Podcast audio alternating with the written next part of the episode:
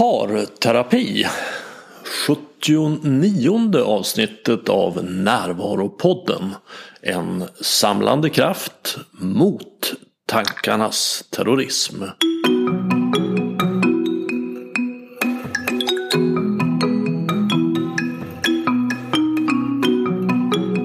Det här är Bengt Renander. Den absoluta majoriteten av alla kärleksrelationer tar slut. Anledningen till det är inte bara att vi träffar fel person utan vi har inte fått lära oss hur man tar hand om kärleksrelationen så att den kan växa till den relation vi längtar efter. Här har jag ett samtal med parterapeuten Daniela Gordon om utmaningen med en kärleksrelation. Om att utvecklingen ligger på andra sidan rädslan. Om att en kärleksrelation kräver sårbarhet. Om att längtan efter kärlek också är längtan efter oss själva om att gräset är grönare där man vattnar det. Om vad kärlek kan vara. Om balansen mellan frid och utveckling i en relation. Om att förlora intimiteten i relationen. Om att det vi kan prata om förenar oss och det vi inte kan prata om separerar oss om relationen som en levande varelse, om hur viktig attraktionen är, om att ha en sexdag i veckan, om att skamma varandra, om att lyssna, förstå och samarbeta. Om det goda lyssnandet, om värdet av struktur, om lättnaden i att uttala det outtalade om när relationen bara blir ett praktiskt möte. Om skuggan vi projicerar på andra. Och om dynamiken mellan hagelstormen och sköldpaddan.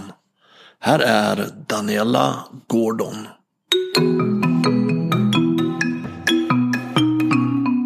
Jag har jobbat med eh, samtalsterapi och eh, kroppsterapi i många år. Samtalsterapi 42 år och eh, kroppsterapi i 26 år. Eh, så det har varit det jag har sysslat med. Och sen så är jag ju musiker också och låtskrivare och sångerska. Eh, och det har ju blivit en eh, sidogrej. Mm terapin har tagit platsen. Jag har varit med i ett tv-program som heter Gift i första ögonkastet i tre säsonger. Eh, jag har skrivit en bok som heter Kärlek på allvar. Och eh, nu har jag en terapipodd. Mm. Som heter Kärlek och terapi. Och det är ju det som är jättekul just nu. Mm. ja. Mm, jag, jag har hört den. Jag tyckte det var väldigt roligt att höra det. Det är intressant att höra hur andra arbetar med par. Att aha, där tar hon den vägen och det här. Så den, den rekommenderar jag att ja. lyssna på. Så du jobbar mycket. Det, det, är ju din egenskap av parterapeut som jag har bjudit in dig här idag. Mm. Jobbar med par, ja. Mm. Och jag vet inte riktigt var vi ska börja men mm. vad hur tänker du? Vad, vad, är, vad är utmaningen med att ha, ett, ha en kärleksrelation? Vad är det som gör att det är svårt? Ja. Eh, alltså, kärlek är ju svårt. Därför att kärleken gör oss ju sårbara.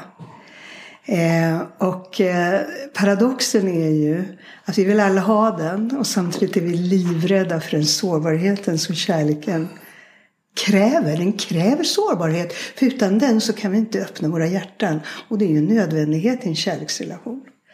Så kärleken är ju som en laserstråle. Och den, liksom, den bara skjuter igenom eh, som en laserstråle och eh, blockerar, eh, blockerar, blottar vår skam, vår rädsla, eh, våra försvar. Allt det där. Mm. Eh, och det är ju det som är utmaningen i kärleken. kärleksrelationen, den är ju väldigt utvecklande om vi vågar använda den på rätt sätt. Men vi kan ju också använda kärleksrelationer till att bara manifestera de mönster och blockeringar vi sitter fast i. Och så kan vi använda kärleksrelationen och, och bli bittra. Och mm. säga att det här var den här partnerns fel. Eller vad är det för fel på mig? Som aldrig går vidare. Så att, eh, men eh, kärleksrelationen är otroligt utvecklande. Mm. Det är en utmaning. Jag brukar tänka att, att, att det, är väldigt många som längtar efter kärlek. Åh, jag vill ha kärlek. Och det blir så mm. fantastiskt då när jag har en kärleksrelation. Mm. Men det är också väldigt jobbigt. Det kan vara väldigt jobbigt att vara kär av just det skäl du säger. Att vi blir sårbara. Det är jobbigt. Ja, det är jobbigt. Ja, även om man har en fantastisk relation så är det jobbigt. Därför man kommer inte undan. Nej. Och man väljer ju ofta en partner som eh, eh, har de sidor som man inte själv har utvecklat. Det är därför vi dras till vår partner. Eller som har sidor som våra föräldrar har haft och, och eh, som har med våra mönster att göra. Så vi blir tvungna att möta eh, oss själva. Både i det vi inte har utvecklat och, det, och, och våra försvar. Mm. Så det är, det är fel att tro. Jag brukar säga så här. Att naiva unga människor de tror att kärleken är ett tomtebloss. Hollywood. Mm. De har enormt naiva föreställningar om vad kärleksrelationen är. Mm. Man ska vara eh, tänd på varandra varenda minut, man ska vara kär hela tiden. Allting ska pågå och ska vara fantastiskt. Så mm. är det inte. Nej. Så om det inte är tomteblås, vad är det då? då? Om det inte är ett tomteblås? Ja. Eh, kärleken är, tycker jag, en av de bästa eh, skolor man kan gå i för att växa som människa. Mm. Ja, för att om man vill leva ett enkelt liv så då, då är det nog bäst att vara singel. Ja, absolut. för då kan man göra som man vill hela ja. tiden. Men om man har en kärleksrelation så är det ju någon där som hela tiden puffar till lite grann på en. Ja. Så att man kommer ur balans och det är ju väldigt utvecklande. ja. Eftersom utvecklingen ligger på andra sidan rädslan. Och jag får möta mina rädslor. Mm. Ja. Kanske inte det finns ingen plats där jag så säkert och effektivt får möta alla rädslor som just i en kärleksrelation. Ja. Och detta är ju många människor inte förberedda på eller medvetna om. Tyvärr. Nej, de tror tvärtom. Mm. Att de ska ja. komma från ett kaos och, och jobbigt till ett lugn i en kärleksrelation. Till en snuttefilt. Ja. och bli jättebesvikna. Ja. Och jag har också väldigt dålig uthållighet i kärleken. Mm. Eh, och tror att nej, men det är något fel på den här relationen för det här känns ju jobbigt så det är fel relation. Ja. Mm. Och eh, en konsekvens av det vi pratar om är ju att det här känns väldigt jobbigt så det här är rätt relation. Precis. Ja. Det beror väl lite grann på vad det är för någonting naturligtvis. Ja. Men, men ja, för en bra sak att komma ihåg tycker jag att, att det är ju att den jag framför allt får möta i en kärleksrelation det är mig själv. Mm. Vem är jag när jag inte får som jag vill? Vem är jag när jag längtar efter något? Vem är jag när det har gått för långt? Hur agerar jag då? Och det är inte säkert att jag gillar det jag ser. Så projicerar jag ut det på min partner. Och så lämnar jag. Jag tycker ett bra talesätt är det här att, att gräset är inte grönare på andra sidan. Utan gräset är grönare där man vattnar det. Ja, precis. Åh, vad fint sagt. Ja. Det är jättefint sagt. Men alltså vår längtan efter kärlek är ju egentligen en längtan efter att komma hem till oss själva. Alltså, våra medmänniskor är ju en spegling av oss själva hela tiden. Men det vill jag inte, menar jag inte att vi är till, självtillräckliga. Mm. Det är det inte. Men jag tror att vi är en enda stor själsorganisation mm. i djupet. Mm. Och det är där speglingen ligger. Att eh, det som du ger mig är det jag behöver ge till mig själv. Mm. Eh, och i det så, så, så växer vi båda, eller krymper vi båda. Mm. mm. Och det jag projicerar ut på dig är någonting som jag egentligen borde hämta hem ja. till mig själv. För att mm Förra avsnittet handlade om The Work, du vet Byron Katie's. Mm, yeah. och, och, det är ju väldigt tydligt i det. Ja, ja. Jag säger att, att du behöver höra av dig eller du ska göra det här och du ska mm. göra det här. Mm. Att egentligen prata om mig själv. Mm. Precis. Ja. Mm. Har du någon definition sådär av kärlek? Du pratar mycket om kärlek. Vad du menar med kärlek? Vad menar? För jag tror att vi menar väldigt olika när vi pratar om kärlek, vi människor. Vi säger ja, kärlek som ja, vi mm, trodde att vi menade mm, samma mm. sak. Alltså, så som jag ser det så är kärlek, kärlek är det vi djupast består av. Mm. Ja.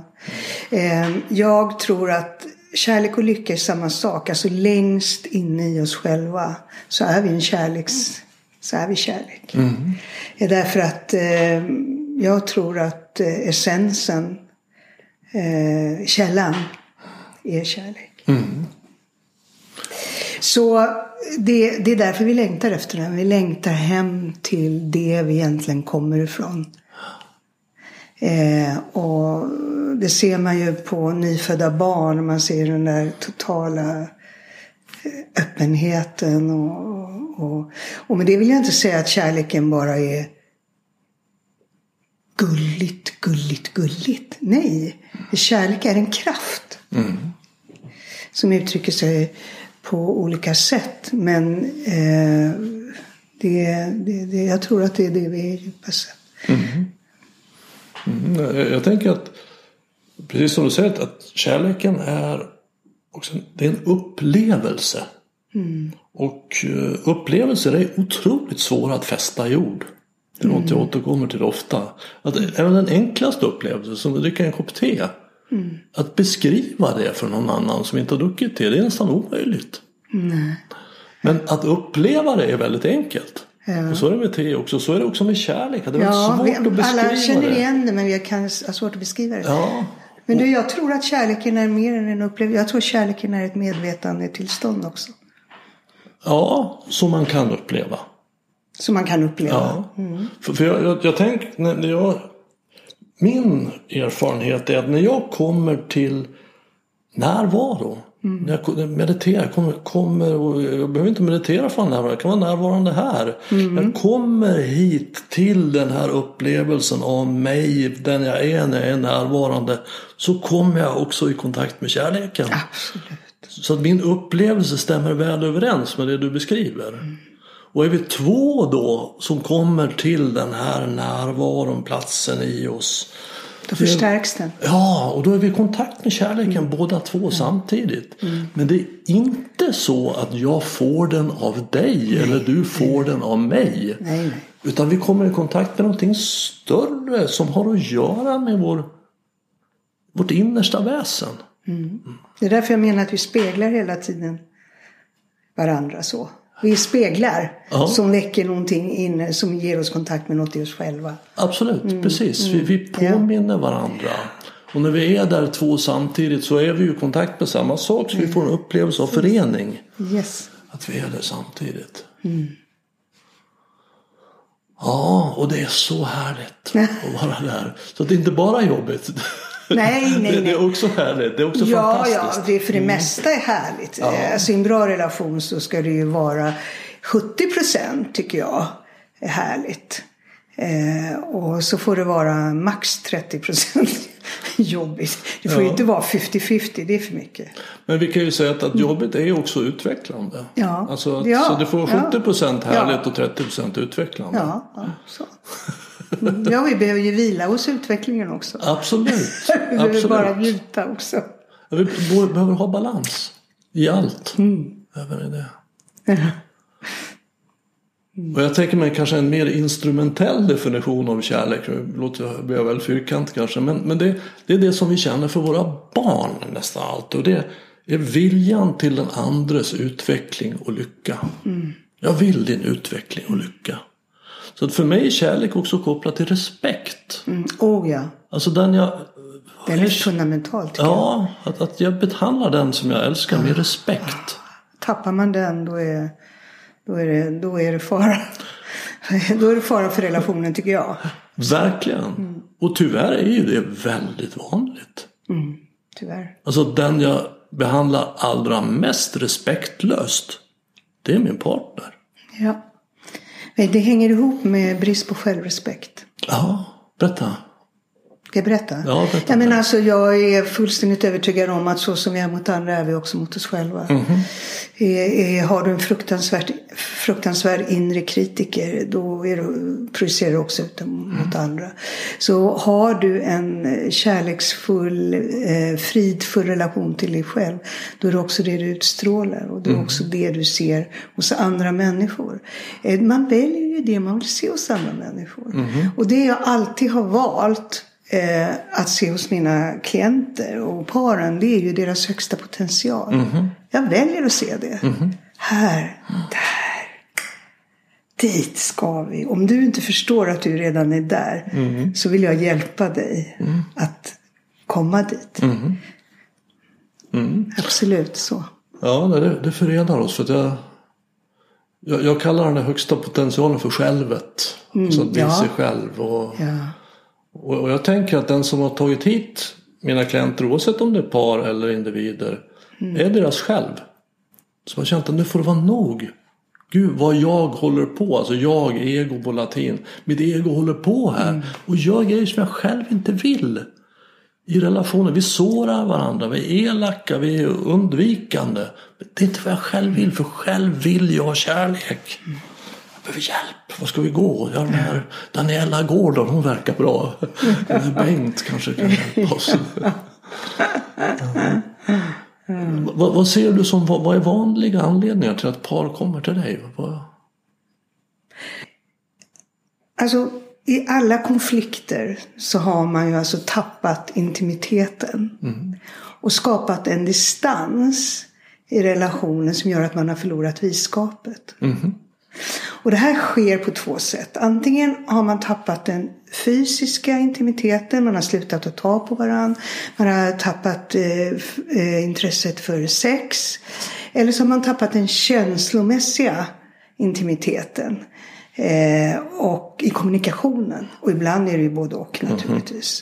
Det, men det är de två parametrarna. Eh, och det där yttrar ju sig på olika sätt. Vad vi gör. Alltså väldigt ofta så försvarar vi vår sårbarhet istället för att uttrycka det. Ja. Och då går vi in i den berömda maktkampen. och det är ju så vi, vi har lärt oss att vara med varandra eh, när vi växer upp. Det är konkurrens i skolan, eh, vi jämför oss med andra, vi tänker, många har ett svartvitt tänkande och det här har vi ju med oss eh, in i kärleksrelationen. Och då hamnar vi i generaliseringar och Eh, till exempel, vi tänker alltid, aldrig, borde, måste. Och det där använder vi hela tiden eh, mot varandra. Aldrig, alltid, borde, måste. Eh, och det är förödande, skapar bara ännu mer distans. Eh, så vad det än är för problem så handlar det ju om att vi har förlorat den här intimiteten, bond, bondandet. Och har skapat en distans. Och detta gör oss rädda eller arga och så vidare. Och så accentueras det här. Mm. Och sen så då vad innehållet är, vad det beror på. Det är ofta bagateller, det vet ju du. Alltså, jag står inte ut med att du aldrig tömmer diskmaskinen när du lämnar köksbordet. Det är ju inte där det ligger. nej. Utan var är det det ligger? Ja, det ligger ju i, i någonting helt annat. Eh, Det ligger ju i att man är, har förlorat någonting i kontakten som gör att det blir så stort. Annars, blir, annars kan man säga, du, jag tycker att det är jättetrevligt om du tömmer diskmaskinen. Men det är ju inte någonting man blir rasande över. Nej, verkligen inte. Nej. Det är aldrig det vi bråkar om som vi egentligen bråkar om. Nej, Nej. det är det. Nej, och och jag, jag tycker med åren, jag har jobbat med par ganska länge, det är nog 15 år nu i alla fall. Att, att vad, vad jag ser, en mening jag har kommit fram till som att är grunden för mitt arbete det är ju att, att allting vi kan prata om med respekt förenar oss. Allting vi inte kan prata om separerar oss. Jättebra definierat. Berätta mer. Nej, men så att själva kommunikationen är så viktig. central. För att kan vi sätta oss ner och prata om det. Att ha ett, det goda samtalet kallar jag det. Där vi lyssnar, vi förstår och vi är beredda att samarbeta. Men det måste vara det goda samtalet. Det måste vara det goda samtalet. Ja. För egentligen finns det bara två alternativ. För vi är ju olika i en relation. Så är det. Och, och konflikter uppstår ju ofta med att vi är oförmögna att hantera det faktum att vi är olika. Så att när olikheterna klaschar så tar vi till våld. Alltså stänga ner och sura är också våld. Absolut. Stänga ute, vara ironisk, sarkastisk, kritisk. Våld, våld, maktkamp som du pratar om. Det hamnar i maktkamp här. Och våld föder våld. Så vi hamnar i en våldsspiral där vi är respektlösa och respektlöshet hör inte ihop med kärlek. Det ödar kärleken. Rädsla, respektlöshet dödar kärleken. Och alternativet är då det goda samtalet. Och göra precis som du säger. Att, du, jag blev lite ledsen här när du inte plockar in i diskmaskinen.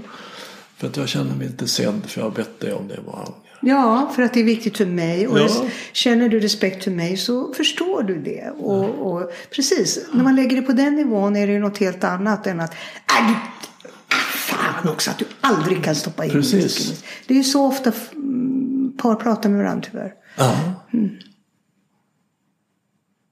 Hur hur mycket jobbar du med individerna i paret? Alltså, hur, hur går det till rent praktiskt? Ja, men mycket. För jag... jag eh, vissa par vill komma enskilt också. Det får de. Eh, ibland bara den ena.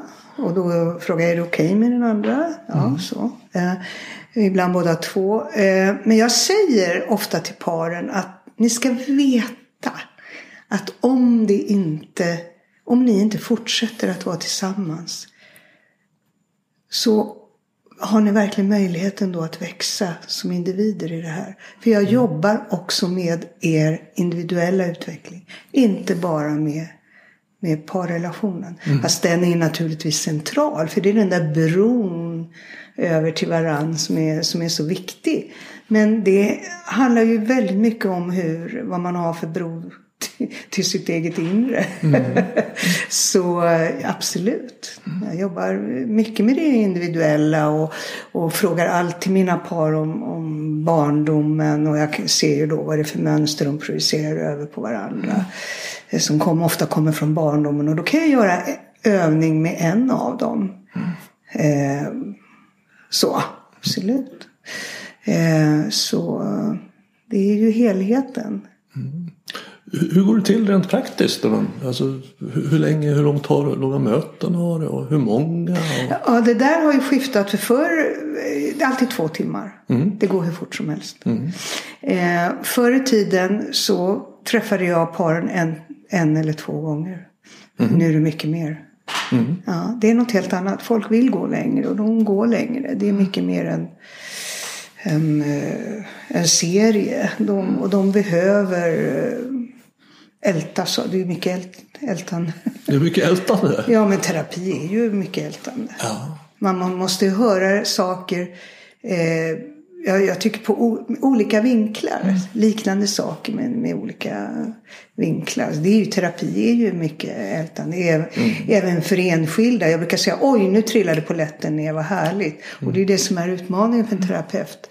Hur kan jag få den här människan att förstå på djupet känslomässigt vad, vad det handlar om och kliva in i en förändring.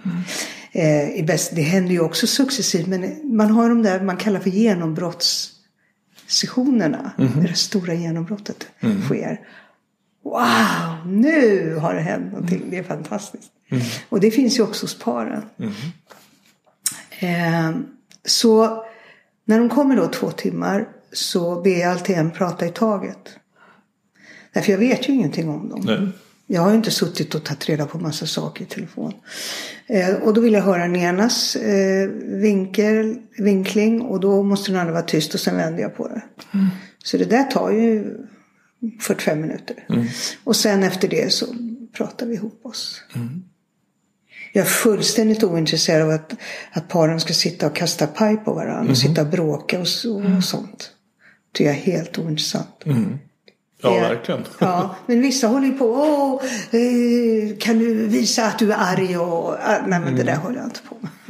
Jag vill ju ha, jag vill ju att de ska eh, få djupa insikter. Ja. Det får man inte genom att sitta och skrika på varandra. Nej, För då är vi ju respektlöshet och Shaming och våld. blaming. Ja, Ja. precis. Så, så vad du uppmuntrar är just samtalet. Kan, vi, kan vi samtala om Mm. Och det här? lyssnandet. Ja. Jag använder mig en del av imagoövningar. De tycker jag är underbara. ja, vad är det för övningar? Känner du till det? Ja, då. Ja, vad är det för övningar? Jag tänkte alla kanske inte gör det. Jag känner till dem. Men, men eh, Ja, eh, alltså Imago grundades ju av en terapeut från USA som heter Harville Hendricks på 80-talet. Och det är en ganska intressant historia för han var en världsberömd eh, samtalstera- parterapeut.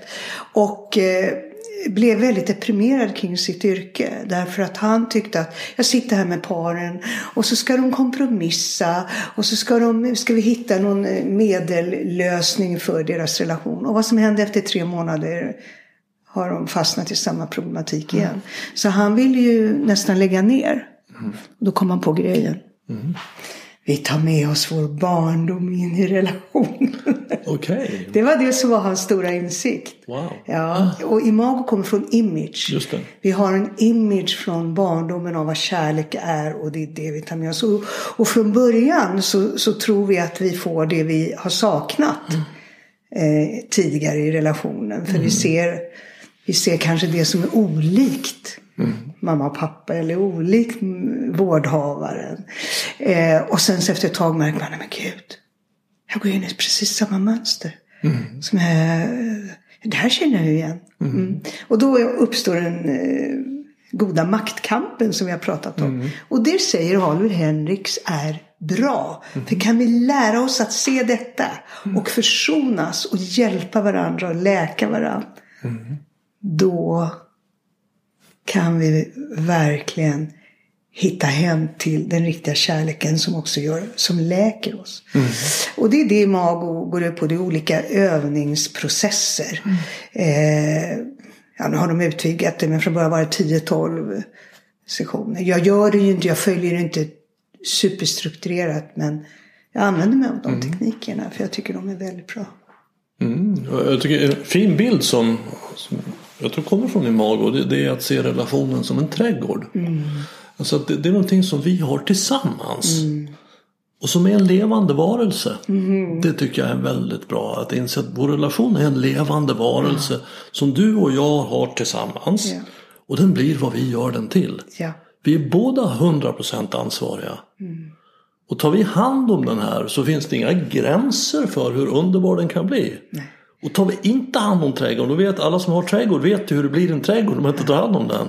Det kommer mördarsniglar och det torkar ut i passionsfrukterna och gräshoppor och ogräs. Ja, för det är det som är det fantastiska. Jag tänker på det när du berättar om trädgården. För att det, det är jag och det är du.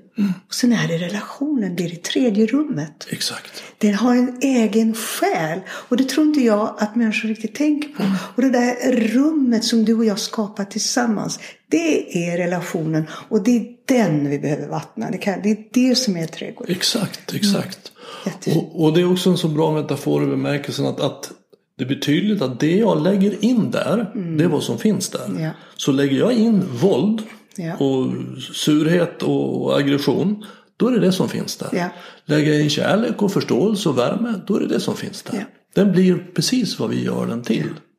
Så om jag saknar då att man frågar, frågar hur det, om man har sovit gott på, på natten eller vad det nu är för någonting. Då kan jag lägga in det där. Är det någonting som saknas eller kan jag lägga in det där? För jag vill ha det där. Och det tycker jag är en väldigt fin bild.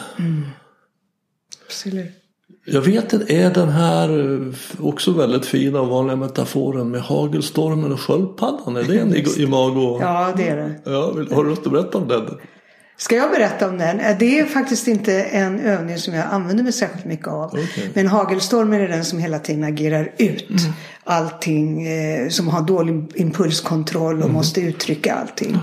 Och, och vad sa den andra? Sköldpaddan. Sköldpaddan är den som sluter sig och som inte uttrycker sig och som behåller allting inom sig. Och ofta så ser man i relationer att en är ju mer hagelstorm och en är mer sköldpadda. så, eh, och de behöver ju olika saker eh, såklart. Eh, Och man måste då ge båda de här plats och rum för att få uttrycka sig och också se motsatsen. Ja, för det, det tycker jag är en ganska vanlig dynamik. Jag, jag ser den relativt ofta. Att det är en som vill att den andra ska berätta mer och prata mer och öppna sig mer. Och den står liksom nästan med ett basebollträ. Och för den andra den sluter sig i sitt skal. Den blir rädd. Den vet inte hur den ska uttrycka sina känslor. Kan inte det. Då står det kom ut, kom Ja. ut, kom ut. Och den andra ligger inne i sitt skal. Åh nej, hjälp. Och, och båda, precis som du säger, båda har ju sina läxor. Hagelstormen behöver ju lära sig att ta hand om sina egna känslor. Precis. Och sköldpaddan att när det är lugnt Mm. att sticka ut huvudet och säga att det finns någon här inne. Ja, just det. Ja, precis. precis. Jag tycker det är väldigt intressant eh, apropå det här med olika. Jag ser ju ofta eh, hos par eh, just de här alltså, Just de här mönstren, eh, det behöver inte vara hagelstorm och sköldpadda men eh, vissa, alltså vi kommer ju från så olika miljöer och hur vi ofta är obalanserade. Det är vi också som individer. Eh, vi tar ut ett karaktärsdrag för mycket. Och vad som då händer är att det andra motsatta karaktärsdraget det finns någonstans i vårt, undermedvetna och blir ofta destruktivt. Jag, jag kan ge ett exempel. Ja. Om en människa är eh, väldigt kontrollerad eller har koll på livet, entreprenörig och allting går precis som det ska. Eh, och har kontroll, mycket kontroll. Vad som då alltid finns där någonstans är, det finns alltid ett område där den här människan inte har någon kontroll. Den här människan kanske måste gå upp på natten och öppna kylskåpet och bara stå och häva i sig mat eller har någon form av missbruk eller någon, någon, någon sida där det här inte fungerar. Därför att själen och psyket vill hela tiden ha balans. Så går vi för långt åt ett håll, då måste det motsatta få sin plats. Och där blir det ju inte bra. Det blir inte balanserat. Det blir för mycket åt det ena hållet och för mycket åt det andra hållet. Så det handlar hela tiden om att komma in till mitten. Och det här gör vi också i relationer. Att vi tar ut de här olikheterna för långt. Va? Som du säger då, då blir hagelstormen öser på så in i bängen. Eh, när den andra eh, sköld, sköld, vad sa du, Sköldpaddan. blir för tyst. Eh, och det, då accentuerar man de här två sidorna. Eh, när båda behöver komma in mer mot en balanserad mitt. Jag, jag tänker på en, det dyker upp en bild av den här taoistiska yin-yang-bilden. Ja. Att om man i relationen att den ena bara är yin och den andra bara är yang så blir det väldigt olika. Ja. Tillsammans så kan det bli en helhet. Men det är bättre att, att i, i individen finns det en balans Ja. mellan yin och yang. Och hos båda då får vi en bättre balans i relationen. Absolut. Och då blir det ju inte det heller att man, det är också intressant att prata om vad är en relation hos två mogna balanserade människor. Eh, då blir det ju inte att man ska ta eller behöver få av den andra det man inte själv har. Utan man är ganska hel. Och då blir ju relationen ett slags överflöd istället. Precis, det blir en Ja. gåva. Ja, det blir en gåva. Det blir det där extra. Eh, man blir, om man är lycklig innan och harmonisk så blir man lyckligare. Ja. Jag behöver inte komma till min partner som en svältande tiggare Precis. och be om det jag inte har. Nej. Utan jag har ett överflöd att dela med mig av. Ja. Och där har vi då en, då har vi en väldigt rik och, och välfungerande relation. Det är ju en relation som vi verkligen längtar efter mellan två människor som är i, i balans och hela. Mm. För då får man också, eftersom relationen är en sorts spegel av individerna som ingår i den. Mm. Så att ju mer hel och balans jag, jag kan vara du kan vara, ju mer Hela i balans blir ju relationen. Men det är därför man arbetar med individerna också. Det är det det är. Man måste förstå. Folk tror att vi ska jobba med relationen så att vi ska så vi kan få det där tomteblosset. Nej, det är ett individuellt arbete också som vi gör tillsammans. Eh, så att du, var och en blir mer hel. Det är inte att du ska ge mig det jag behöver och jag ska ge dig det du behöver. Det är fel. Men många har den bilden. Ja. Och jag får inte det jag behöver av min partner och det har jag rätt till. Precis. Ja. Ja. Hur tänker du kring maskulint och feminint? Är det någonting som du... Eh, jag tänker att eh, vi har ju maskulint och feminint inom oss båda två. Eh, män och kvinnor. Eh, ja, där tror jag verkligen på Jungs principer. Eh, anima och animus. Eh, kvinnan har en maskulin sida som heter animus. Och mannen har en kvinnlig sida som heter anima. Attraktionen uppkommer ju mellan maskulint och feminint. Precis.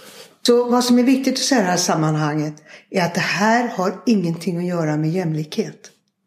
Inte ett dugg. Inte ett dugg. Nej. Det här har att göra med olikhet. Ja, För att vi kan vara olika och jämlika.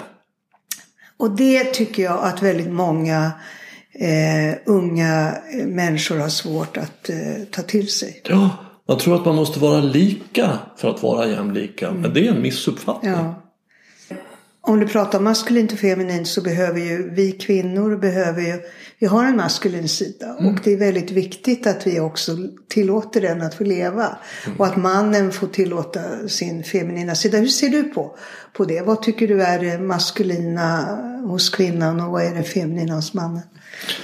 Jag tänker att, att om, om jag ska sammanfatta maskulint och feminint i två ord vardera så skulle jag säga att det maskulina är att tänka och göra. Så när jag säger att nu ska jag tänka ut vad jag ska göra då går jag till min maskulina sida. Och det feminina känna och vara. Så när jag säger att nu ska jag känna efter hur det är då går jag till min feminina sida. Så det maskulina är mentalen, tänkandet. Ja, precis. Och- Och, och det kännandet, hjärtat. kännandet. hjärtat och hjärnan och hjärtat. Och, och som vi sa tidigare här så, så att, att, att det är väldigt fint om vi kan vara hela som individer. Att, att jag här har en bra balans mellan min maskulina och feminina sida. Och, att, att, eh, och att kvinnan har det också. Men man skulle kanske säga att, det är väl bra om mannen då har lite mer av det maskulina och lite, och kvinnan lite mer av det feminina. För då passar våra eh, delar ihop också. Och, och skapar attraktion. För att, att attraktion är något som är väldigt viktigt. Ja, det är väldigt viktigt. Ska man vara pragmatisk så kan man ju säga att, att en, en parrelation är en gemensam överenskommelse om sexuell exklusivitet. Ja, Det är inte så för alla men för de flesta är det. ja, ja. Alltså det är du och jag som har sex med varandra. I övrigt kan vi gå och fika, åka på kurser och resor, egentligen göra vad som helst. Men just det, det är speciellt för oss. Ja. Så det gör ju att det blir väldigt viktigt. En väldigt avgörande punkt. Hur är det med attraktionen? För att om vi inte har sex, väldigt sällan eller kanske inte alls. Vad, vad är det här då? Är vi vänner eller? Vet du vad jag gör med mina par? Nej, Många unga par, eh, 35 år, de har fått sitt första barn. De har inte haft sex på ett eller två år. Det är otroligt vanligt att inte ha sex. Ja, verkligen. Och då säger jag till de här paren. Eh, ni ska ha en sexdag i veckan. Och det ska vara samma dag varje vecka. Och vi säger att sexdagen är onsdag. Vad som är toppen med det här är. Ingen bli, behöver bli avvisad. Ingen behöver ta initiativet. Båda vet att onsdag är vår sexdag. Man laddar för det. Man riktar in sig på det. Det enda man ska bestämma är, ska man ha det, när, när på dagen ska man ha det. Så man har det. Och sen så är det jätteviktigt att inte värdera det.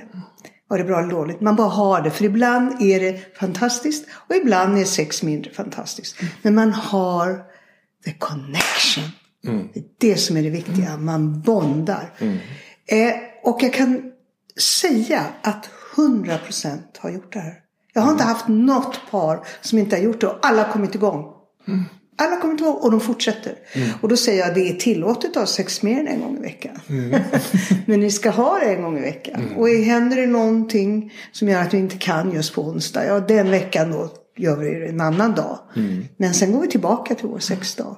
Mm. Och det är så enkelt för att många par har det där med att Åh, jag har blivit avvisad så många gånger så jag har lagt av. Mm. Det är mycket det där med eh, vem som tar initiativet. det, det, är ofta eh, något som man kan känna sig väldigt sårad kring. Det finns ju en stor sorg i relationer där man inte har sex. Ja. För att båda känner sig otillräckliga. Mm. Både den som vill mer och den som vill mindre.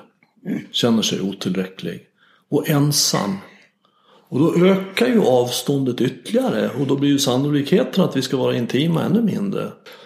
Så jag förstår att din intervention där genom att säga att ha sex på onsdagar, whatsoever, eh, fungerar väldigt bra. För att det, det får oss över tröskeln, det för ja. oss närmare. Och jag hade Malin Drevstam, heter hon väl, sexologen här. Och hon pratade, hon hade ett ord som jag gillade, det var att huda. Alltså att vara i, vara i hudkontakt. Bara det är så läkande. Och vara intima. Och, ja, ja. och att vara så nära. Det löser väldigt mycket problem. Ja, absolut. Forskningen har ju visat eh, när eh, människor lider av stress eh, på jobbet till exempel så finns det ingenting som är lika stressupplösande som att sitta mitt emot en annan människa och till exempel hålla den människan i handen. Någon form av beröring. Mm. Och titta en annan människa in i ögonen och mm. ha ett samtal. Det är det mm. mest stressupplösande som finns. Mm. Ganska intressant. Ja. Och går vi ett steg längre så byter vi ut samtal mot samlag. Att vi är i kontakt, ser varandra i ögonen, är i djup förening fysiskt. Ja. Hur stressreducerande skulle inte det vara? Men, men jag, jag hör ju också hur många inne, vadå ska det där sex, ska det bara vara ett görande? Något som man liksom bara eh, bestämmer sig och så gör man det. Så man måste ju vilja och längta och ha lust också. Vad, vad säger du till dem? Ja, nej men det är så här att de här, alltså de här paren som inte har eh, sex, de har ju fastnat så att säga. Eh, det var en kvinna som sa till mig, men om jag inte vill ha sex en gång i veckan då? Mm. Sa hon till mig. Eh, så sa jag, men gör det i alla fall. Det, det visar ju sig, ni har ju inte haft sex på sju månader. Mm. Prova mm. och bara se eh, vad det ger. För att det är väldigt jämlikt. Mm. Det, det, det där att ha rätten att säga nej. Ja, det är klart, men du har ju sagt nej. Eller han har sagt nej och här sitter ni och har ingen har inget sex. Mm. Så var bejakande istället och prova er fram. Det här är en otroligt bra, eh, ett bra jämlikt, eh, okomplicerat sätt. Och sen då när man väl, då har man ju lagt Eh, man har skapat det erotiska rummet. Mm. Så att där sen kan den här intimiteten bara växa och ögonkontakten och, ögonkontakten och djupet. Det är upp till var och en. Mm. Mm, ja, för det är ju det här med mötet. Mm. Alltså att vi inte har, att vi inte möter varandra. Utan vi fjärmar oss ifrån varandra med mm våld egentligen.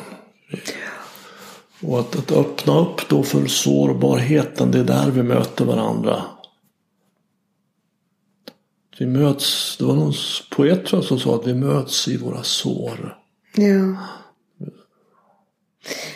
Som, som jag också sa precis att vi försvarar den oftare än att vi uttrycker den. Mm. Eh, det är så viktigt att uttrycka den. Och och bakom rädslan för sårbarhet finns ju rädslan för skam. Mm. Den finns ju där. Mm. Eh, och eh, vi skammar ju ofta varann också. Vi får den andra att känna skam eh, eh därför att vi själva har upplevt skam. Mm. Och jag tror att eh, det är väl den djupaste rädslan vi har för sårbarhet. Just att vi är så rädda för att uppleva skam. Ja, det är en smärtsam känsla. Ja, väldigt smart. Den är, den är svårare än sårbarheten. Den är läskigare. Mm. Så jag tror det är väldigt viktigt att bli vän med skammen. Mm. Att bli, eh, som Brené Brown uttrycker så fint, skamtåliga. Mhm.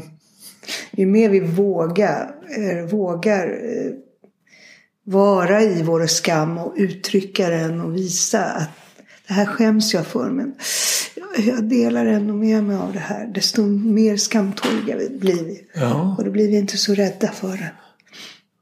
Därför vi kan ju konstatera att det är faktiskt inte farligt att känna. Inte ens skam. Det är inte farligt att känna skam. Det vara obehagligt, absolut. Men om alternativet är att antingen då känna det jag känner, skam, eller att fly ifrån det, dölja det med till exempel våld.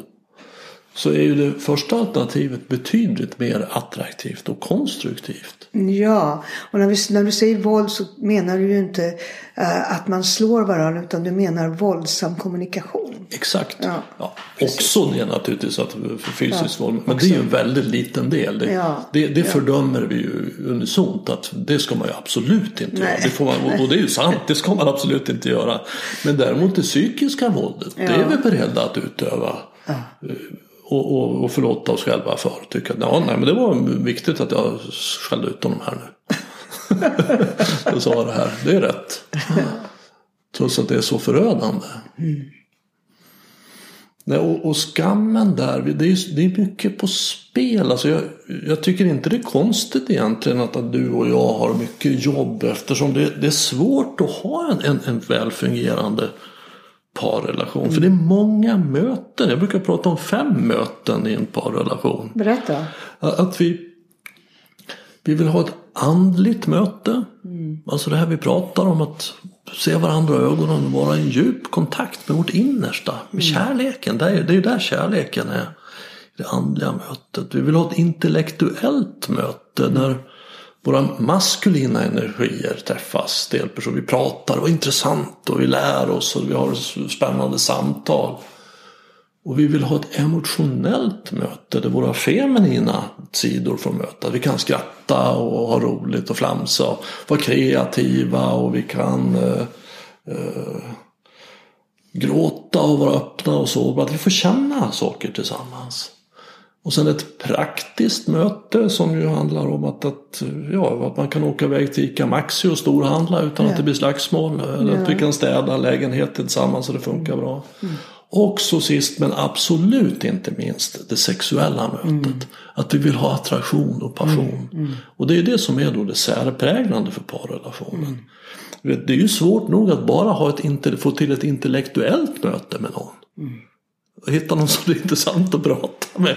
Eller någon som man kan ha, ha kul med eller gråta med. Men här vill vi ha alla fem mötena. Och på en skala från 0 till 10 så vill vi helst ha en 10 på alla fem möten. Och det är, det är en utmaning. Vad gör du? Pratar du med dina par om de här fem stadierna? Jag gör ju inte parterapi skulle jag säga. Utan jag ser det som jag gör som en utbildning. Okej. en kommunikationsutbildning. Jag lär människor att prata. Ha det goda samtalet. Ja, Alltså att vara närvarande och första gången så fokuserar jag på att lyssna. Så jag lär dem hur det går till att lyssna. Jag har en struktur för det. Som, som egentligen det här med spegling. Det är inget... eh, Man upprepar vad den ja, andra har precis. sagt. Man speglar och lyssnar och turas om. Ja, Och sen andra gången så handlar det om att förstå. Alltså att gå runt och se hur det är för dig. En mycket, mycket sällsynt förmåga. Upplevelsen inifrån egot är ju ofta att jag ser världen som den är och du fattar inte. vad menar du med att gå runt och så? Ja, eh, att, att se hur, det ser ut, hur världen ser ut för en annan. Alltså att inse att jag ser inte världen som den är. Jag ser världen som jag är. Ja, precis. Du har en liten annan värld. Du har en liten annan bild av vår relation, av vårt hem eller vad det nu är. Och så att jag är liten, kanske radikalt annorlunda. Att förstå är ju då att gå runt och se din bild. Hur ser det här ut för dig? Och det kräver ju en väldigt viktig, egenskap och det är att jag kan gå utanför mitt eget ego. Jag är inte identifierad med mina tankar och känslor. Där jag kan se att så här är min bild. Så kan jag, och så där är din bild. Aha! Jag förstår. Så kan vi göra det här ömsesidigt. aha, och jag förstår dig. Och då är vi redo att ta det tredje steget som är att samarbeta. Mm. Alltså att vara kreativa tillsammans. Mm. Så hur gör vi med det här? Du vill ha blått i hallen och jag vill ha gult. Du ska mm. måla om. Hur löser vi det? Tillsammans, du och jag. En lösning som är okej okay för oss båda. Är grönt. Ja, precis. och då visar det sig att efteråt, om vi använder det här sättet att hantera våra olikheter, våra konflikter, så kommer vi att uppleva att vad bra att det där hände. Det där som blev jobbigt för oss. Mm. Vad bra att det hände. För det, det gjorde att jag lärde känna både mig själv och dig lite bättre. Mm. Vi har behandlat varandra i kärlek och respekt för att vara konstruktiva i verkligheten. Mm. Om vi tar till det vanliga, våld alltså, som inte är bara fysiskt våld utan det framförallt det psykiska våldet. Så kommer vi uppleva att vad synd det var att det där hände. Mm. För vår relation blev sämre av det här. Mm. För vi har behandlat oss varandra med respektlöshet och våld. Så för mig är det... Jag brukar ibland tänka att det, jag håller på med en sorts komvuxverksamhet. Alltså att bara få lära sig som vuxen det man egentligen borde fått lära som barn. Ja. För det här är ju något vi lär oss när vi växer upp. Hur går det till att relatera? Ja. Och det är ju väldigt få som har medvetna och närvarande föräldrar. Jag har, Precis, jag det är ju det. Vi får ju inte lära oss Nej. det som jag tycker är människokunskap. Mm. Vi får lära oss så mycket. Och likadant i skolan, det är massa fakta. Men människokunskap som är något av det viktigaste. Ja.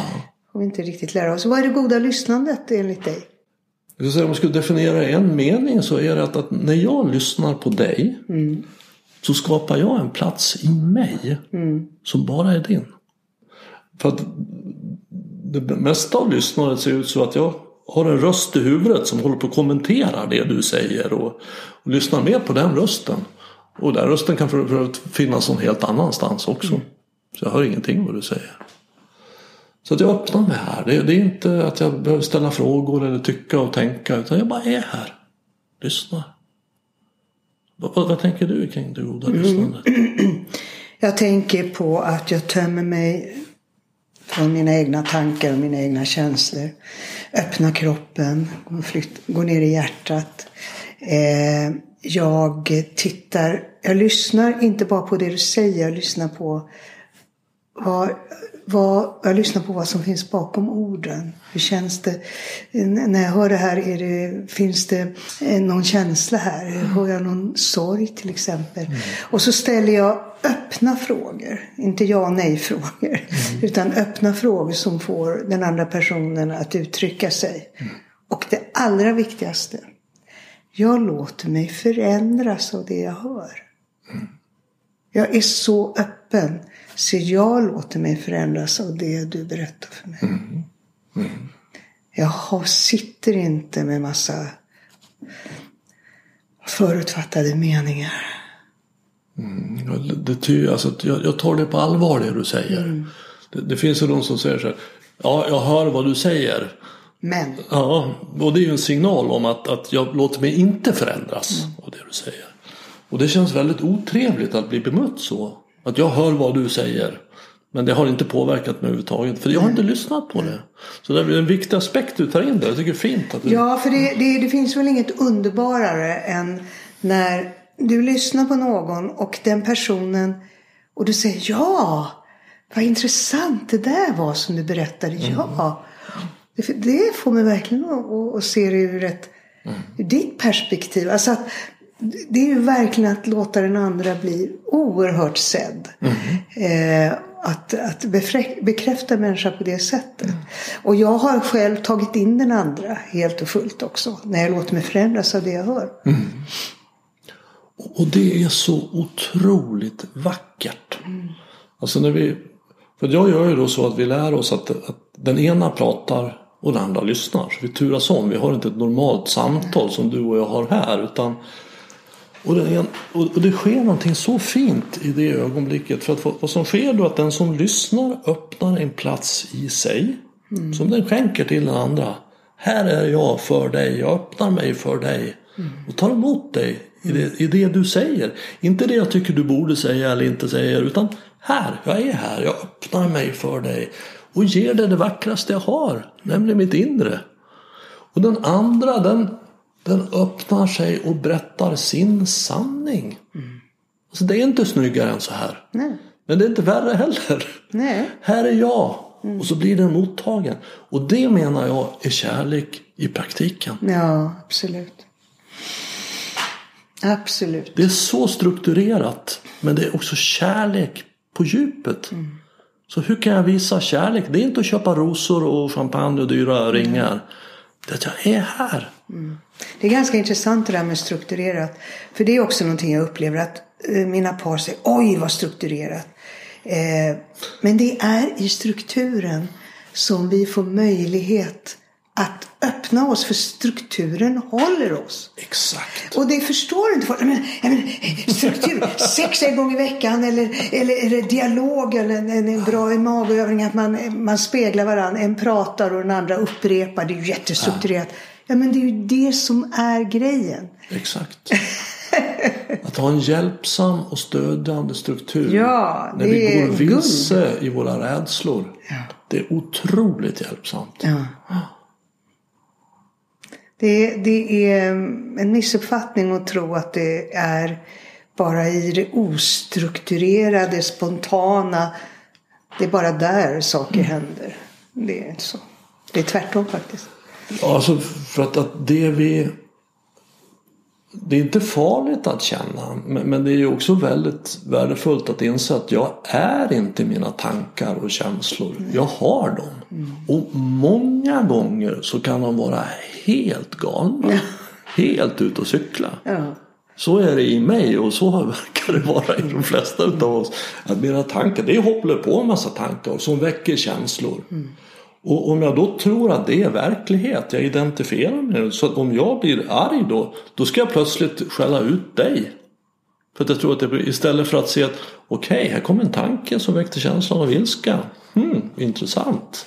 Och vara kvar med det. Jag kan fortfarande säga det. Du, här kom det en tanke som gjorde att jag blev arg. Mm. Behandla dig med respekt fortfarande. Mm. Så att se... Jag tar ansvar för den tanken och den känslan. Exakt. Jag tar ansvar. Det är inte du Nej. som ska ta ansvar för det. Och det är ju också en viktig grej för en välfungerande relation. Att jag tar ansvar för mig. Mm. Mina tankar och känslor. Och jag ger ansvar för, för dina känslor och tankar till dig. Mm.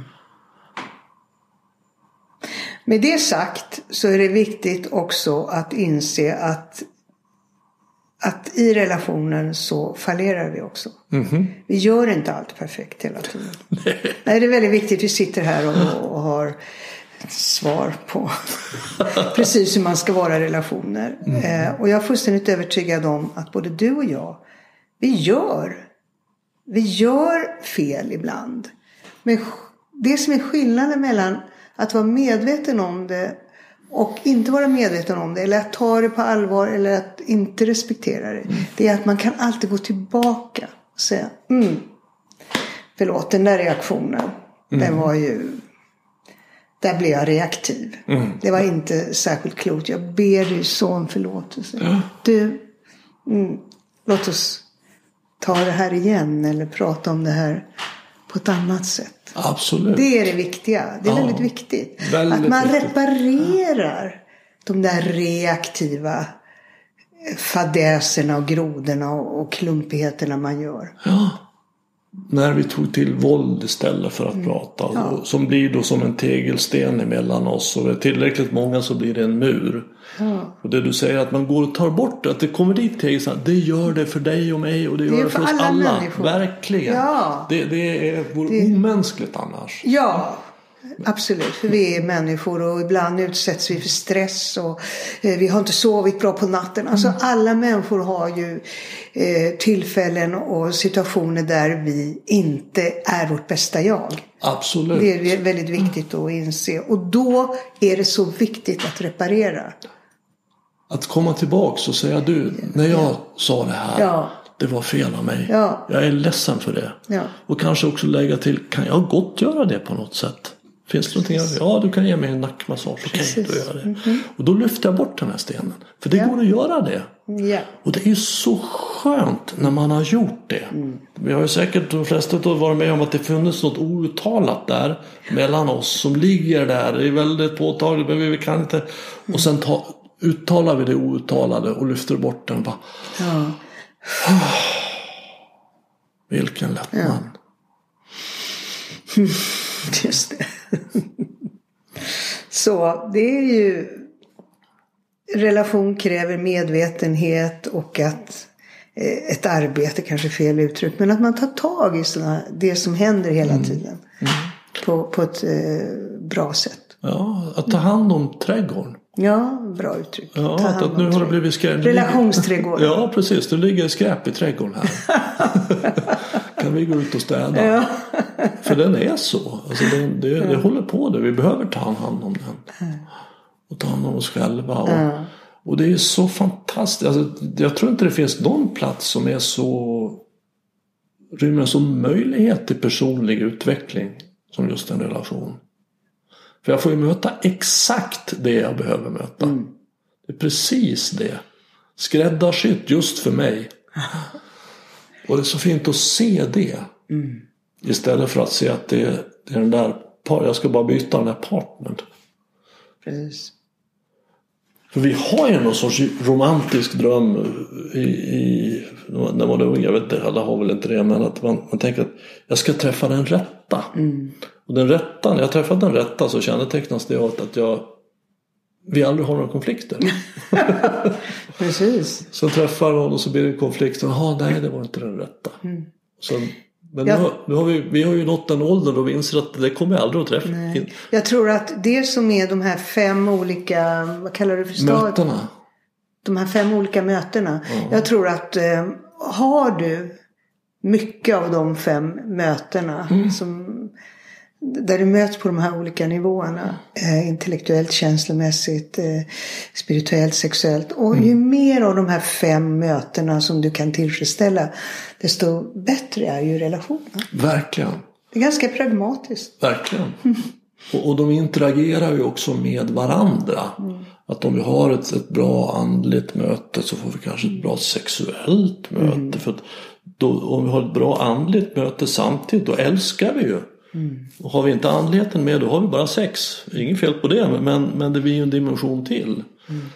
Men för många relationer är det så att det, all, de här mötena eroderar med tiden. Det andliga, vi ser inte varandra längre, vi lyssnar inte på varandra, vi har inte roligt, vi har inte sex. Kvar finns det praktiska mötet. Vi är två som liksom har någon sorts eh, gemensam eh, företag där hemma. Ska det vara så här? Nej. Och det, det brukar jag, det märker jag hos mina par att många har ju projektet familjen tillsammans. Och det vill säga man är föräldrar och så handlar hela relationen om att vara föräldrar till barnen. Och sen när barnen flyttar hemifrån då blir de tvungna att möta varandra och det är jättesvårt. Därför att vad som alltid byggs upp i det undermedvetna det är en aggression. Eh, som då blir en sabotör. Som ofta är omedveten. Eh, därför att vi kan inte fly från vi kan inte fly från våra reaktioner heller. På det vi inte uttrycker. Det finns där. Det vi inte uttrycker finns där. Absolut. Det är väldigt viktigt att inse det.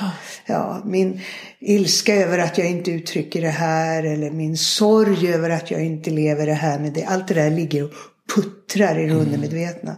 Och dyker upp på de mest oväntade sätt. Oftast i form av reaktioner. Då blir vi reaktiva. Fattar inte varför reagerar jag så här konstigt plötsligt. Det är för att det ligger där och puttrar i, i mörkret. Jag tycker det är en viktig del du pratar om här som är väldigt intressant. Som man kanske inte så ofta tänker på. Att, att, att dels är det ju, är ju det saker vi pratar om. Men även det vi inte pratar om kommuniceras väldigt tydligt. Ja. För jag menar, vi, vi människor har väl i storleksordningen 50-100 000 år har vi kunnat prata. Har vi kunnat tänka, prata. Men i flera miljoner år har vi kunnat känna in varandra. Ja. Alltså vår intuition. Så den är ju väldigt väl utvecklad. Så, så vi, vi tror att om jag inte säger det så märks det inte. Tror jag. Tror vi ja. Men Allt finns det. Icke som icke. Det märks väldigt tydligt. Varenda nyans. Allt finns det. Och, och parten känner det men kanske inte kan verbalisera det riktigt. Utan vi får en stämning i huset som är obehaglig. Men jag vet inte riktigt vad det är. Precis. Skuggan, säg någonting om det. Alltså skuggan är ju, har ju funnits med oss i tusentals år egentligen. Eh, du vet, man pratar om den mörka tvillingen, djävulen. Eh. Jung skapade ett psykologiskt begrepp kring det. Eh, och som jag tycker väldigt mycket om. Så skuggan, skuggan är, om vi ska hårdra det, är det vi reagerar negativt på hos andra. Det är den negativa skuggan. Eh, så det är väldigt viktigt att titta på vad är det jag verkligen stör mig hos hos människor. Det är det jag inte vill hämta hem hos mig själv. Och ofta säger man, jag står inte ut med arrogans. Eller jag står inte ut med snålhet till exempel. Jag hatar snålhet. Nej men jag är inte snål, jag är jättegenerös. Okej? Eh, om du blir otroligt provocerad av snålhet, då måste du titta på var är jag snål? Jag kanske inte är snål med, människor, med pengar. Men jag kanske är snål med känslor. Jag kanske, det finns alltid någonstans där jag själv besitter den här egenskapen jag, jag stör mig på. Det är den negativa skuggan. Det är väldigt viktigt att hämta hem det. Och väldigt ofta dras vi till partners som har våra skuggsidor. För vi behöver hämta hem den till oss själva. Eh, Sen finns det en positiv skugga också. Och det är det vi beundrar hos andra. Alltså det här när vi ska följa eh, stjärnor som vi bara ser upp till och vi vill vara dem. Det är den positiva skuggan. Och det, de gör det så att säga åt oss så att vi ska slippa göra det. Och vi beundrar en författare så kanske jag drömmer om att skriva en bok men det, det vågar jag inte. Eller det klarar jag inte av. Och så beundrar vi den här personen som har skrivit den här fantastiska boken. Så att skuggan är både positiv och negativ. För det mesta, det är naturligtvis viktigast att hämta hem den negativa skuggan. Eh, och för vi är djupast sett helheten. Som jag säger, vi är djupast sett kärlek. Så när jag hämtar hem det jag stör mig på hos andra, då har jag hämtat hem det hos mig som jag inte vill, vill som jag inte själv vill se eller stå ut med. För egentligen har vi ju alla möjlighet till alla känslor.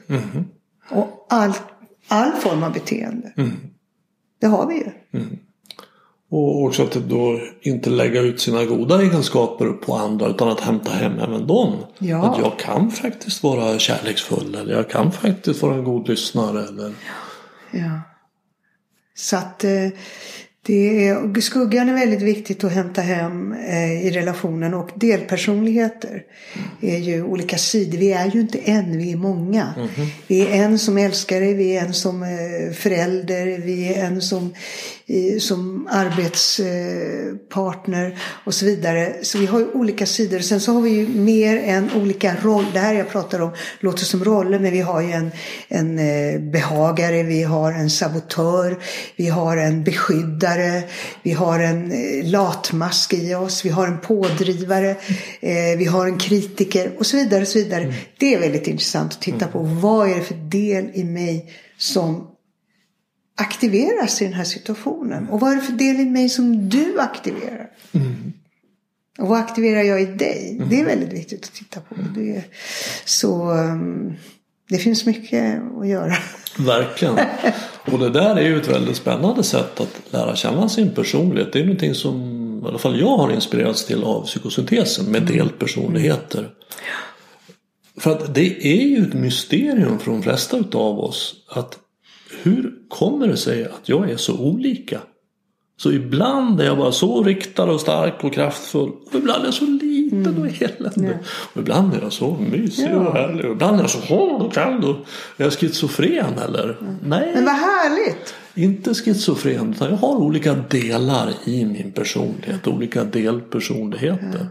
Vi har ett helt galleri. Ja, Och förstår vi det så har vi också mycket lättare att förstå andra människors olika Exakt. sidor och delpersonlighet och inte bli så uppskrämda när vi ser ett visst eh, drag hos en människa. Utan titta på det. Mm. Så det är också ett sätt att lära känna sig själv och att lära känna sin partner. Och det kan man väl säga att det är väl vad relationsprojektet i stor mm. grad handlar om. Mm. Och, och, jag tycker också att, att, att vi kallar att vi har en relation. Det ger ju en ganska stark ledtråd till vad vi ska hålla på med där. Nämligen relatera. Vad är att relatera tycker du? Ja, det är att sätta sig och vara, hur är det för dig? Hur tänker du? Dela. Ja, dela. Mm. Ha ett samtal, prata mm. om saker. Dela, öppna oss, vara sårbara. Och ha gemenskap. Mm. Ska vi låta det vara slutord? Tack för idag. tack, tack. Bengt. Om du vill veta mer om Daniellas arbete eller komma i kontakt med henne så finns en länk till hennes hemsida i anslutning till det här avsnittet på min hemsida renander.nu. Jag gör Närvaropodden för att sprida kunskap om hur medvetenhet och närvaro kan hjälpa oss att sluta terrorisera oss själva och andra med tankar. Om du vill stödja podden, hjälp till att sprida den genom att tipsa om den till vänner och bekanta. Det är också hjälpsamt om du betygsätter och skriver kommentarer på iTunes. Vill du veta mer om hur du kan bli mer medveten och närvarande Köp min senaste bok Stoppa tankarnas terrorism. Boken har fått många positiva omdömen som tydlig, klar, enkel och väldigt användbar. Att du dessutom stöder mig i det här arbetet är en positiv bieffekt. Enklast köper du boken via hemsidan renander.nu och jag signerar den gärna om du vill. Om det är något ämne eller person som du tycker skulle passa här i Närvaropodden, tveka inte att kontakta mig och enklast gör du det via kontaktformuläret på hemsidan renander.nu. Desto fler vi är som är vakna i verkligheten, ju mer kan vi förändra den på riktigt. På återhörande. Och du, var uppmärksam.